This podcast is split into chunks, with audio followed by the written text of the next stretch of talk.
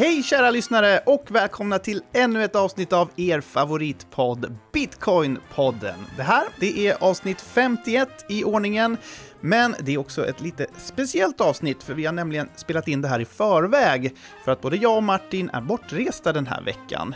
Eh, när det här sänds så är ju du på den här stora Bitcoin-konferensen i Miami, eller hur Martin? Det är tanken att jag ska vara i alla fall. Mm. Kanske du får träffa Paris Hilton där? Hon var väl där förra året? Ja, det, det var rykten att, eller rykten, hon var ju där förra året. Eh, sen om hon får, ska vara där i år får vi se, men eh, det är otroligt många intressanta talare som, som ska vara där, så jag ser jättemycket fram emot det. Um, mm, och vi ser jättemycket fram emot en gedigen rapport därifrån. Kan inte lova. Och får eh, berätta hur det har varit, såklart. Ja, jo, nej men så är det. Det ska jag absolut göra. Ja, så av förklarliga skäl då så kommer vi inte att ta upp och analysera några nyhetshändelser från bitcoinvärlden den här veckan. Men bli inte ledsna för det, för vi har ändå ett spännande avsnitt att bjuda på. Vi ska nämligen prata bitcoin och mänskliga rättigheter, alltså hur bitcoin kan hjälpa människor i andra delar av världen att till exempel ta sig ur fattigdom. Martin, vad tänker du om dagens ämne? Det är någonting som jag tycker inte pratas tillräckligt mycket om. Um, man får ju ofta höra att bitcoin har absolut inget användningsområde, det är bara en spekulativ tillgång. Tulpanlökar? Ja, det är väl en av det man kallar det för. Men, eh, och vi vet ju att det är många som använder det i länder med auktoritära regimer eller människor som är på flykt. Och det är det vi, vi kommer prata här med, med dagens gäst om det. Mm, precis, use case, eller användningsområden då, som man säger på svenska. Och i vanlig ordning så ska vi säga också att Bitcoin-podden görs i samarbete med Trio, den svenska kryptobörsen där man till en riktigt bra avgift kan handla bitcoin och andra kryptovalutor. Eh, Martin, hur billigt kan man köpa bitcoin på Trio egentligen? För närvarande så är det en halv procent per transaktion. Oh, det är bra. Ja, men ganska konkurrenskraftigt för att uh, använda en svensk, uh, svenskt företag, svensk support och liknande. Mm. Så gå in på trio.se, det är adressen och där kan du läsa mer, registrera dig och så vidare. Nu kör vi igång veckans avsnitt.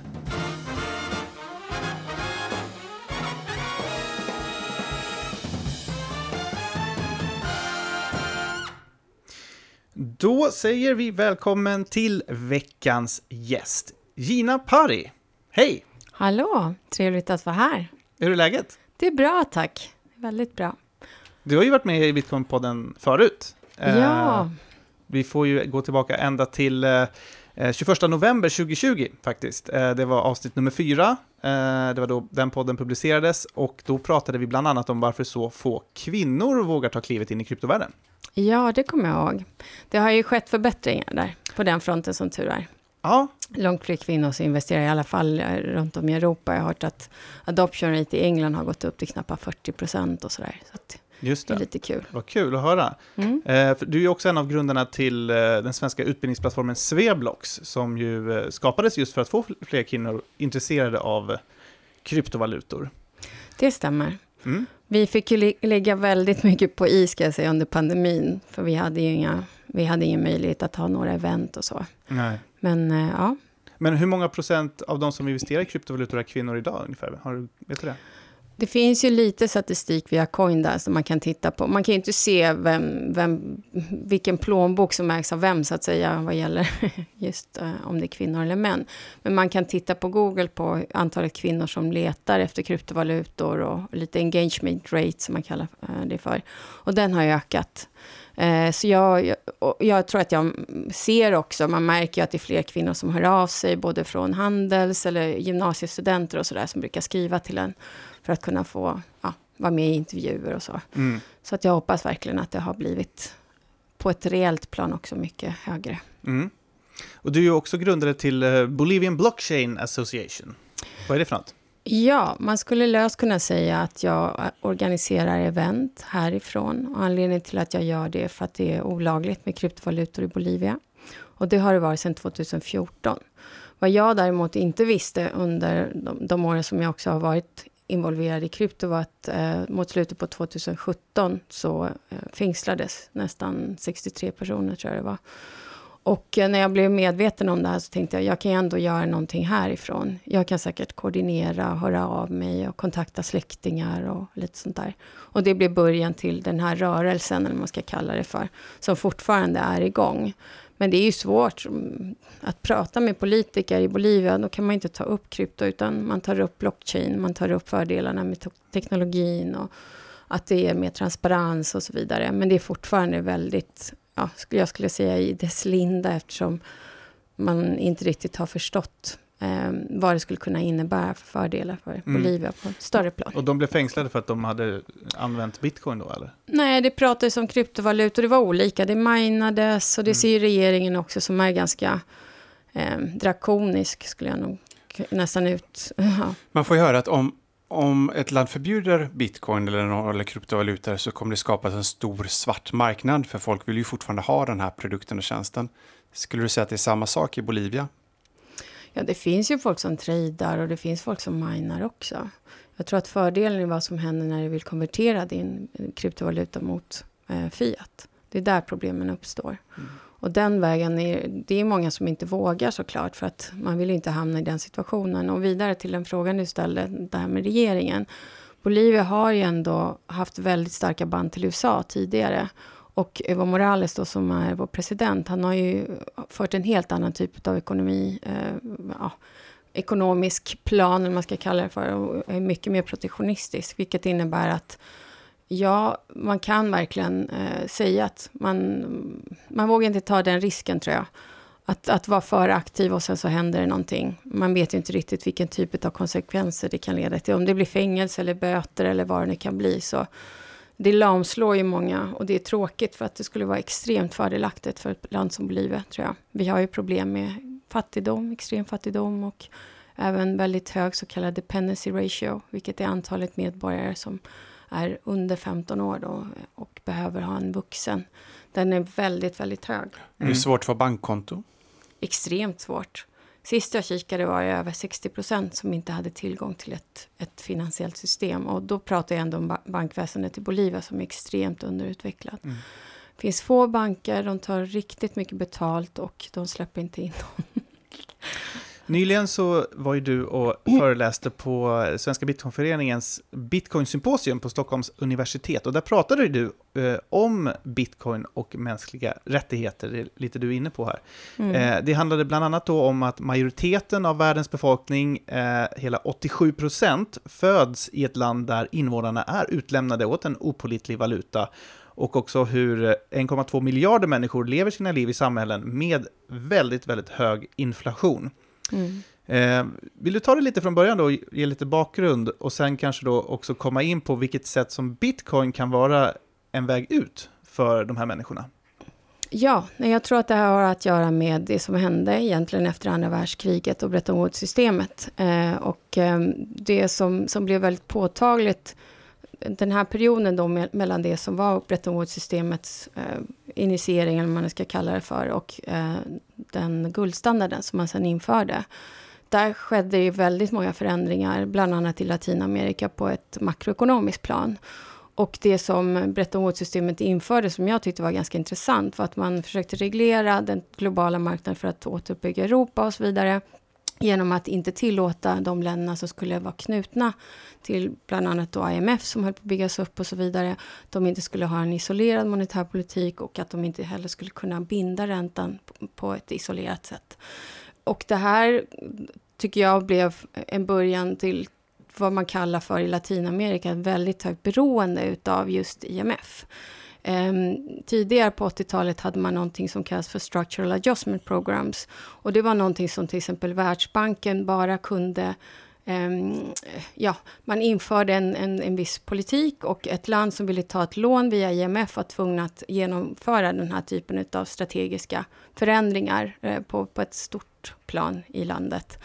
Och det ledde till att många länder som till exempel egentligen var agrarekonomier då, som bland annat Bolivia och Ecuador och många olika länder, de blir ju tvungna att, ja, att förändra hela sin makroekonomiska produktion och, och, allt möjligt som var knutet till det som landet ändå har gjort under en längre period och avveckla den. Samtidigt så kom ju energikrisen, vilket medförde att man inte kunde ta det här klivet från agrarekonomi till in, ursäkta, industrialiserad. Och, och en ag agroekonomi är en ekonomi som framförallt baseras på att man, man ehm, alltså, Jordbruk. jordbruk, ja precis. Ja, precis. Så spannmål, jordbruk och ja, det som man även kallar för soft commodities. Men det intressanta då och det problemet som vi också såg i Bolivia var att vi hade ju inte längre kvar den möjligheten att livnära oss på det som landet producerade.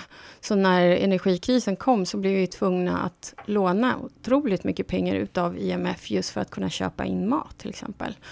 Och eh, nackdelen med det här är ju, förutom att man har inflation, eh, att man försätter väldigt många personer som ändå kunde bidra till ekonomin eh, till, ja, man skapar ett icke-funktionerande system. Och en, en, en lång period utav, eh, för det, det problemet har vi fortfarande, en lång period utav eh, eh beroende att, att ta lån från IMF.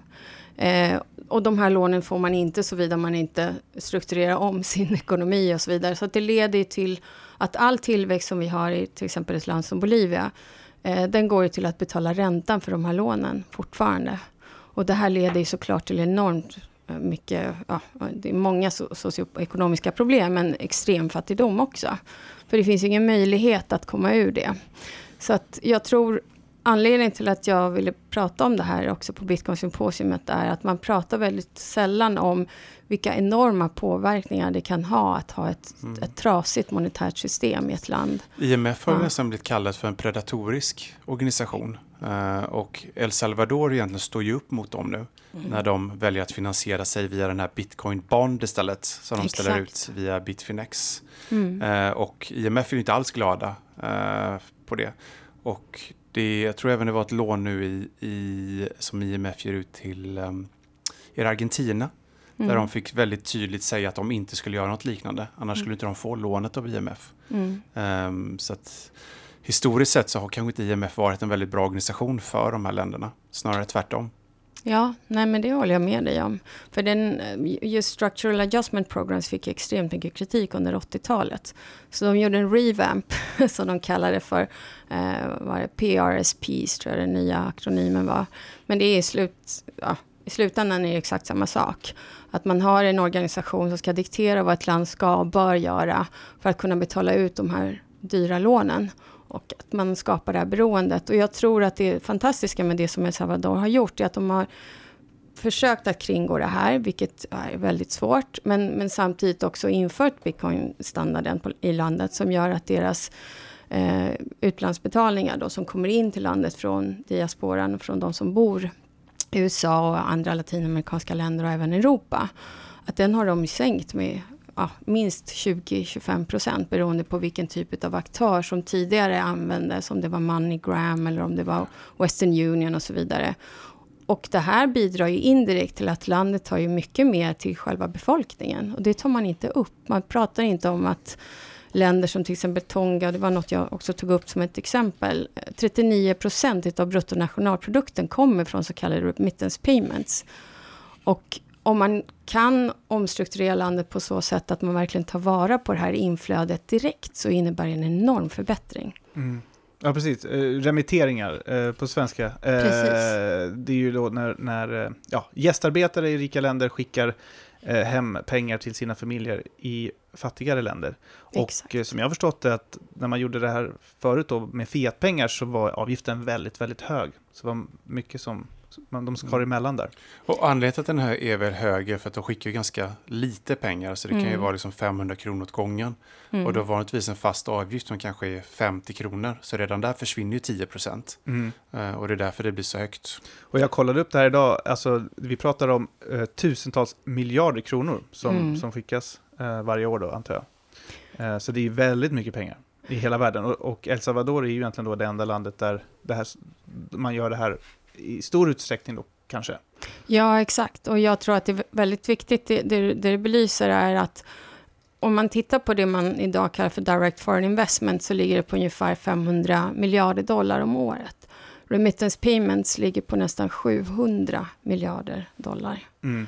Eh, och det här är någonting som har enorm, medför enorma konsekvenser givetvis. Eh, och jag, det här är en tes som jag har såklart. Jag, är inte, jag jobbar inte på Världsbanken Vi har många teser här på Bitcoin-podden, så det är lugnt.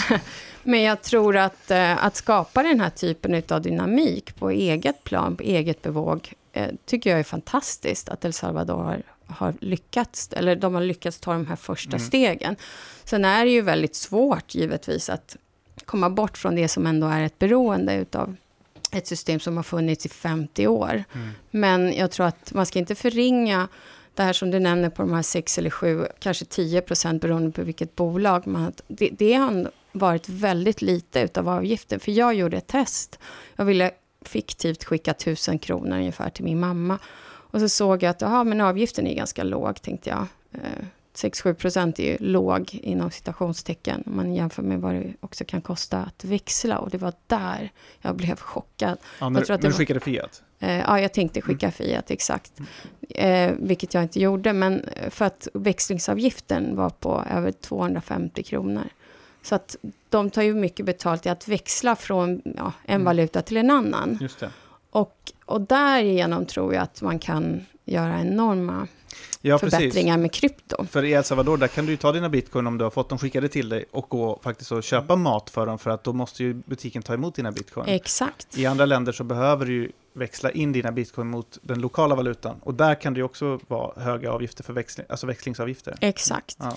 Jag tänker, eh, när de införde eh, bitcoin som laglig valuta i El Salvador här i september 2021 så var det ju en tvingande lag. Alltså du hade inte, om du var ett företag så hade du inte valfriheten att välja om du ska ta emot i dollar eller om du ska ta emot bitcoin, utan du var ju tvungen att acceptera bitcoin. Mm. Tror du att det var viktigt för att det här ska bli ett lyckat experiment eller hade man likväl kunnat göra det som att företagen själv fick välja om de ville ta emot eller inte?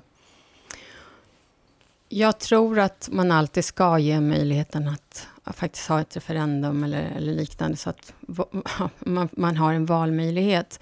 Däremot så tror jag att det har, hade varit en mycket, mycket längre process. Och man vet inte riktigt om det hade varit på samma nivå. Men majoritet kanske hade röstat för en viss förändring och så vidare.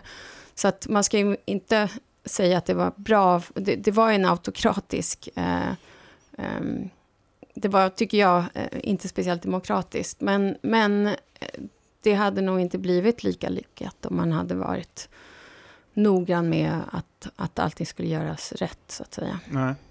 Vet du, har du någon uppfattning om i hur stor utsträckning som bitcoin används för att skicka hem pengar genom remitteringar i övrigt i, i världen idag?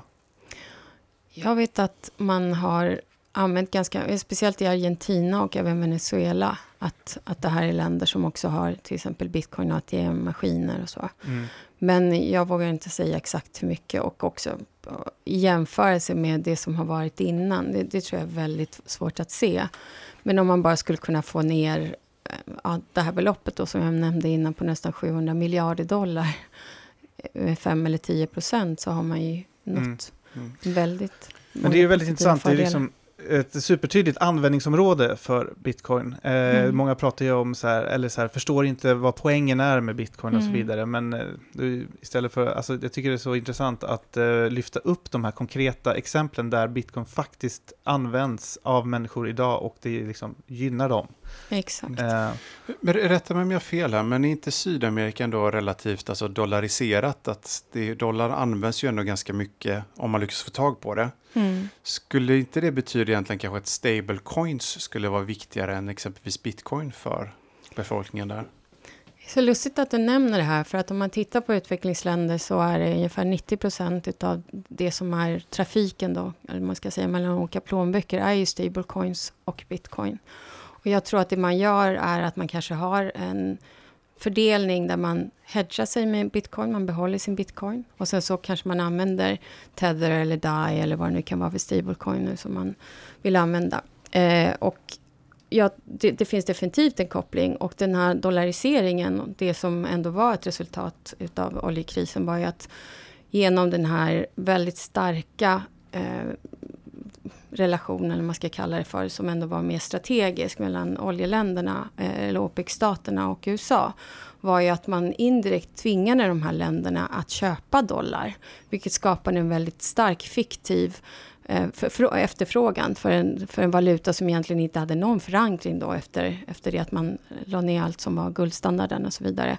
Och det här gjorde att man fiktivt håsade en valuta Eh, just under den här krisen. Så att många länder som egentligen direkt kunde ha gått till ja, ett, ett OPEC-land, vilket land det nu kan ha varit, speciellt i Mellanöstern och Saudiarabien, var ju egentligen det landet som verkligen forcerade det här behovet, så hade man ju inte haft samma problem idag. Och det är därför det är så många ekonomier som varit knutna till dollarn, för att man har också i Bolivia och många latinamerikanska länder så har man ju också exporterat mycket till USA. Vilket innebär att man har indirekt också varit tvungen att använda den valutan. Och om man tittar på exempelvis Bolivia så, så är det väldigt få som har dollarkonton. Men de som har dollarkonton är ju väldigt förmögna personer. Kontanter då? Är det, är det mycket alltså, kontanter i dollar i Bolivia? Det är svårt att få ta på andra valutor, även euron och dollarn. Så att, Men skulle en stablecoin vara väldigt mycket värt för dem då, om de får liksom en digital form av dollarn? Eller väljer de hellre bitcoin skulle du säga? För du, du sa att de tar båda två, men om man fick välja om en, om en bolivian kan antingen få en bitcoin eller en stablecoin skickad till sig från USA, vad tror du att de här helst hade valt? Ja, bitcoin, tveklöst. Va, varför det? För att dollarn är som den är och en stablecoin är ju ändå förankrad till en fiatvaluta som till exempel dollarn. Så jag tror definitivt att det är någonting som man kan använda sig av eftersom det finns en väldigt hög volatilitet överlag. Men jag tror inte att folk vill behålla sin tether som en slags inflationshedge utan då vill man ha bitcoin. Men när det gäller just eh, eh, export till USA, är det inte, underlättar det inte då för de exportföretagen om de har samma valuta då?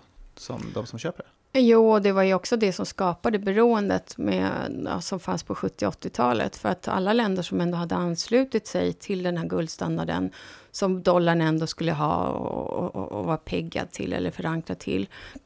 När man la ner den standarden från USAs håll så tvingade de här länderna också att behålla sina dollar. För att om de inte hade gjort det så förlorar ju även det värdet. Och, och, det gör ju även att USA blir otroligt mycket mer konkurrenskraftigt vad gäller exporter till just de här länderna. Som i det fallet var Japan och, och Tyskland och så vidare. Mm. Så att jag tror att det är viktigt att belysa att det är ingenting som man bara kan lämna, utan det här är en progressiv utveckling åt rätt håll. Att man nu börjar ersätta dollarn med till exempel bitcoin i vissa regioner. Och att man gör det förhoppningsvis också i mycket större utsträckning i länder där det faktiskt finns en möjlighet. Och jag tror att det händer nu i Europa. Så att det här väldigt rudimentära, att man i Latinamerika kanske har använt kryptovalutor för att kringgå att ens konton har blivit stängda eller att man har dubbelsiffrig eh, inflation och så vidare. Eh, det har ju lett till, till en, en viss del av användandet av krypto, men om man tittar på Sydostasien, där man kanske inte har den här typen av problem på ett makroekonomiskt plan eller socioekonomiskt för den delen, så tror jag att man ändå har sett att det finns fördelar gentemot den, den, nationella valutan, men givetvis också för att man har skapat ekonomier tack vare kryptovalutorna som används till en större grad i regionen. Och det tycker jag också är väldigt intressant. Och den typen av decentralisering tycker jag, kom, tror jag och hoppas jag kommer att bli allt mer förekommande i framtiden. Jag tänkte jag kan bara ge lite förklaringar, för du säger att, att, att att världen har ju varit beroende av dollarn. Och det har ju framförallt varit kopplat till alltså petrodollarn som man pratar om att, att oljeexporterande länder var ju tvungna att ta betalt för sin olja i dollar och mm. då har de ju ett överskott av dollar. Och då har de ju köpt statsskulder så de har ju finansierat eh, USAs underskott. Eh, och andra länder var ju tvungna att köpa do, oljan i dollar. Så att Sverige köper ju olja i dollar, så då var vi beroende av att också ha dollar. Och det har gjort att hela systemet är beroende av dollar hela tiden. Mm. Um, och nu börjar vi sakta men säkert gå ifrån det. Det var ju en stor nyhet här att eh, Saudiarabien ska börja sälja olja till Kina i yuan. Mm. Vilket, eh, och det går de helt ifrån vad som varit praxis sedan 50 år tillbaka. Mm. För Saudiarabien har ju varit skyddat och USA Exakt. har sålt vapen till Saudiarabien. Och därför har de stannat i dollar? Ja, och, men mm. kravet var att de skulle sälja olja i dollar. För att det alltid ska finnas ett, en efterfrågan på dollar. Mm. Så att USA alltid kan finansiera sig genom att hela tiden öka på sin statsskuld. Men varför väljer de att börja gå ifrån det nu då? Därför att de märker att USA börjar tappa lite sin eh, ställning i, i världen och att Kina är på väg upp och då vill man lite bejaka det också. Mm. Var, att, var, det inte eh, Ryssland som eh, pratade om att kanske ta betalt i olja i bitcoin? Ja, mm. bitcoin, um, guld har de pratat om också. Um, de försöker ju rubel, men det går inte så bra. Nej. Så att, uh, egentligen det de vill göra är att de vill ta betalt i hårda tillgångar snarare än liksom mjuka tillgångar som Fiat. Just det. och på så sätt komma runt systemet. Ja, ännu fler användningsområden för bitcoin. Eh, och du var lite inne på det här, men jag tänkte fråga eh, om, på vilka fler sätt eh, kan bitcoin hjälpa människor att eh, ta sig ur fattigdom? Eh, för det första så tror jag att det finns en möjlighet, även om det inte finns börser till exempel i Bolivia, så vet jag att det, det, det sker ju, det finns en motsvarighet till local bitcoin som man koordinerar mycket mellan olika WhatsApp-grupper exempelvis. Eh, kanske inte är att rekommendera här, men jag menar bara att det finns en möjlighet att på något sätt kringgå ett förbud. Och om det förbudet leder till att du inte kan använda någonting som verkligen på ett direkt sätt kan hjälpa dig och befästa din ekonomi som ändå är väldigt, väldigt svag till att börja med, så tror jag att det är värt att belysa folk om det. Och, och det är också något som... Kan du förklara bara vad local bitcoin är för de som inte vet? Ja, man kan väl säga att det är en slags handelsplats där privatpersoner kan sälja och köpa bitcoin utav varandra. Så du och jag kan egentligen mötas, vi, vi gör en affär där och sen så går vi och möts upp kanske på stan och så swishar det pengar och så skickar du bitcoin till mig egentligen. Ja, precis. Så det är som en, en P2P kan man säga. Exakt. Mm. Och då behöver du inte gå via en centraliserad aktör kanske, som exempelvis som Trio är då. Det stämmer. Sen har det ju också för och nackdelar. Nackdelen är väl kanske att det inte finns någon KYC. Man vet inte vilken typ av kryptovaluta man köper och det medför ju också en risk. Och speciellt om man vid något tillfälle skulle behöva konvertera den kryptovalutan till vanlig fiat så är det nog inte helt oproblematiskt. Men är det inte bra i Bolivia att det inte är KYC just om eh, regeringen eller staten skulle göra någon räd och vilja se vilka som har köpt eh, liksom kryptovaluta på platsen? Att man ändå förblir liksom hemlig med sitt ägande?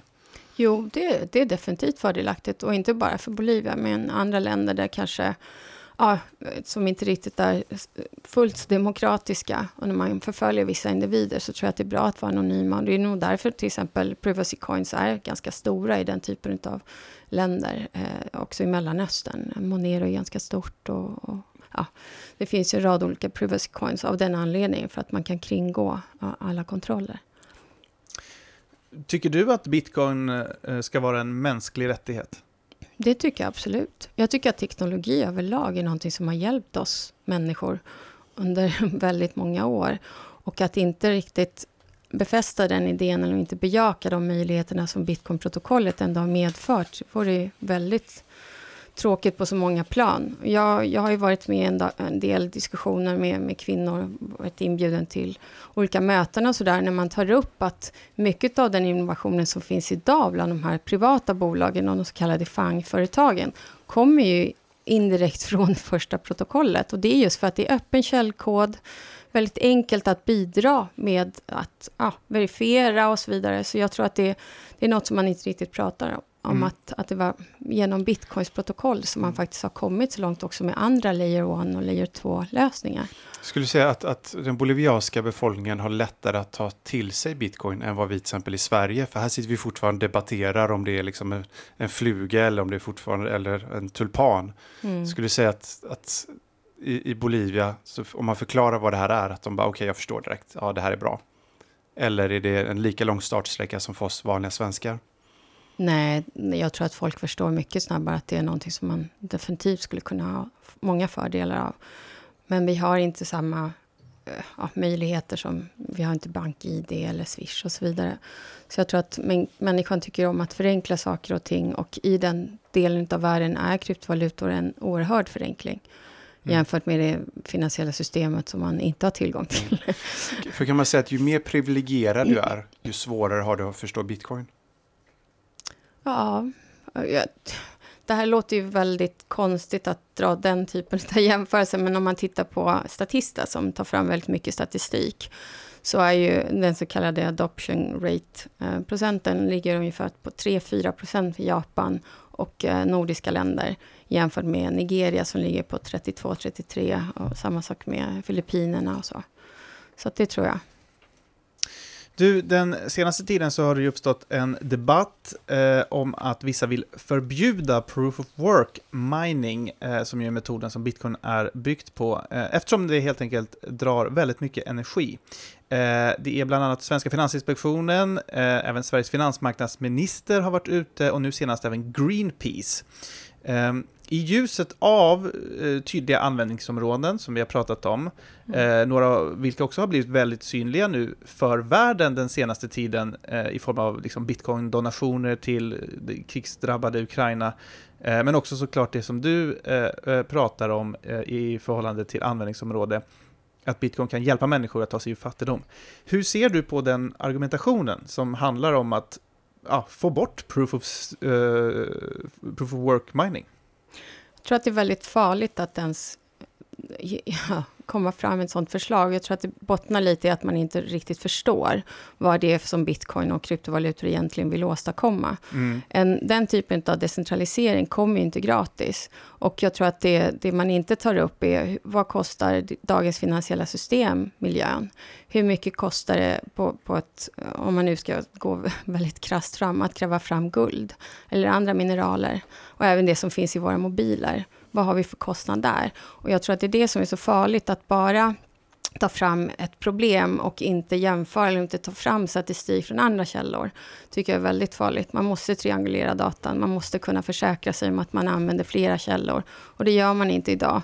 Man, jag tror att det var Adam... Ehm, förlåt, nu minns inte jag hans namn, men um, det var en person eh, som, som menade att det som många inte vet är att bara det man använder i elkostnad för torktumlare i USA är större än, än, än, vad själva nätverket egentligen mm. ja, det är ju kostar många miljön. sådana konstiga jämförelser som Exakt. gör liksom. Men om man inte har förstått det här fullt ut, eh, mm. hur lämpligt är det då att liksom gå ut och svinga så här hårt? Jag tycker själv att det är lite oansvarigt för att bitcoin har ju bidragit till otroligt mycket innovation, till många nya arbets... Jag menar, bara oss tre som, som livnär oss på, på kryptovalutor. Och jag tror att det är någonting som man inte riktigt tar upp. Det blir en extremt icke-nyanserad diskussion, tycker jag. Att, eh, och, och därför tror jag att det skulle vara väldigt viktigt att kunna ha en dialog där man verkligen tittar på vad effekterna är, vilka fördelar det medför och även över en längre period. Att man inte bara stirrar sig blind på att kika på ja, en typ av eh, nu som, som många gör, att man jämför med till exempel vad ett land förbrukar och så vidare. Jag tror att det är väldigt farligt. Mm. Att... Ja, för politiken kan ju bli väldigt fel ibland. Vi har ju mm. eh, våra generaldirektör för Finansinspektionen, så vi pratar ju ofta om honom, att han mm. vill ju förbjuda proof of work. Och det kommer ju från första början när, um, när det var ett gäng miljöpartister som var ministrar.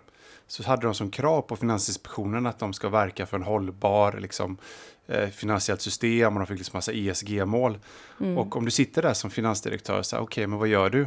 Oh, bitcoin, det, den, den tar vi. Proof of work, det skapar massa eh, miljöproblem och liknande. Det, det, är som en, en det är låg, alltså fallfrukt. Mm. Så jag tror lite därför Finansinspektionen hoppar på det, för att de måste visa att de gör någonting. Och här är det väldigt tydligt när politik egentligen är i vägen för innovation. Uh, och vi ska egentligen stå upp mer mot Finansinspektionen än vad vi gör, för att de är tyvärr helt ute och cyklar här. Ja, men varför är det, om du kan påminna lyssnarna då, bara lite konkret, varför är det då en dålig idé att vilja förbjuda proof of work mining? Alltså proof of work mining är ju egentligen det som gör att bitcoin fungerar. Bitcoin mm. ska ju vara, det som är viktigast i bitcoin är att det, det, är ingen som bestämmer, utan alla bestämmer tillsammans. Mm. Och ett sätt att göra det är att eh, proof of work mining gör att om du vill göra en ändring på blockkedjan så måste du visa att du har gjort arbete. Och arbetet gör du genom att bränna eh, el egentligen, alltså energi. Mm. Eh, och om du inte gör det här jobbet, vad ska man då, vad ska du ha för krav för att göra en ändring i, på blockkedjan? Mm. Proof of stake, den andra metoden är ju, det kravet är ju att man, att man stakar eh, värde, liksom. man går in med en insats. Ja, men om vi tar exempelvis ethereum, mm. de ska gå över till proof of stake. Mm. De hade ju en pre-mine, det vill säga att de som skapade ethereum sitter ju på väldigt mycket. Det är klart att det finns ett incitament för dem att få stakea det så att de får ännu mer eh, makt. ethereum. Ja, ännu mer makt. Så att det, det blir ett annat incitamentstruktur och det kanske funkar jättebra för ethereum, men ethereum ska inte vara en global reservvaluta. Bitcoin ska vara reservvaluta och då är det så viktigt att ingen kan komma in och bestämma över protokollet. Nej. Och det är det här som är lite svårt att kommunicera, eller att förstå, alltså, och det kan man ju ha förståelse för. Men det kanske inte är helt alltså, ansvaret om man börjar gå ut och ska stifta lagar på Nej. Någonting som man har grundförståelse för, för att, som du menar, kanske bara plocka populistiska poäng. Ja, men sen är det, så, det, det finns ett jätteproblem med hela ESG-maffen som jag kallar dem för. För att det, det blir väldigt konstigt när man sätter mål bas, baserat på ESG. Nu när Ukraina-kriget bröt ut helt plötsligt, Mm. då, då får vapenaktier eh, aktier vara, får, får man köpa det genom en ESG-korg helt plötsligt. Och jag skulle inte säga att krig bidrar till ett hållbart samhälle eller till att minska CO2-utsläpp. Nej. Men om, Nej, vi, om, om vi kollar på en ESG-vinkel på bitcoin, vi har ju pratat om grön mining, alltså Mm. att man använder energi som kommer ifrån eh, förnybara källor. Eh, inte, kan inte det vara en väg att gå? Eh, alltså att, att man pushar det och ställer lite krav kanske på, ja, ni får absolut eh, mina bitcoin, men då är det vi- viktigt att det handlar om grön energi och att då branschen får ställa om. Varför ska man Ja. singla ut just en bransch då? Bör inte det gälla för alla branscher? Ja, men jag menar just i det här fallet när, eh, när det verkar vara på modet att eh, ge sig på bitcoin. Ja, alltså det, om man säger så här, bitcoin är ju den branschen som har störst chans att använda en mix av energi med hög penetration av, av hållbar eh, energi. Men eh, ja, Man kan ju Det- använda överskottsenergi, det är någonting som man gör. Mm. Jag tror att det är ganska vanligt till och med, eller vanligt inom citationstecken i USA, att man har nu börjat kika på Exxon Mobil var det ju sist, som skulle använda ehm, överskottsenergi för att mina, eller de skulle starta en pilot kring det. Och på tal om det som vi pratade om tidigare, vad gäller just data och hur man kan jämföra den. Eh, för förra året så var det, så minades bitcoin för 115 terawattimmar eh, för det året då. Och då var guld, bara fram, framtagandet av guld var 131 terawattimmar. Så att eh, det var högre och sen givetvis vårt finansiella system totalt sett var ofantligt mycket högre. Eh, Så om man tar guld och vårt finansiella system så kommer man upp i knappt 700 terawattimmar. Eh, jämfört med bitcoin 115. Så jag Mm. tror att det är bra att, mm. att jämföra när man... Precis. Men man bitcoin är nytt så det är lättare att ge sig på bitcoin. Nej. Sen ska man Mm. inte glömma att bitcoin-nätverket släpper ut noll CO2 egentligen. Utan det är ju framtagningen av energi som, som framförallt Exakt. eh, drar CO2. Men jag kommer inte ihåg vem som sa det, men jag tyckte det var ett väldigt eh, intressant sätt att tänka på det. I Sverige, eller vi, svenska staten och vi skattebetalare eh, skickar ju bidrag till väldigt många olika länder, framförallt länder i tredje världen.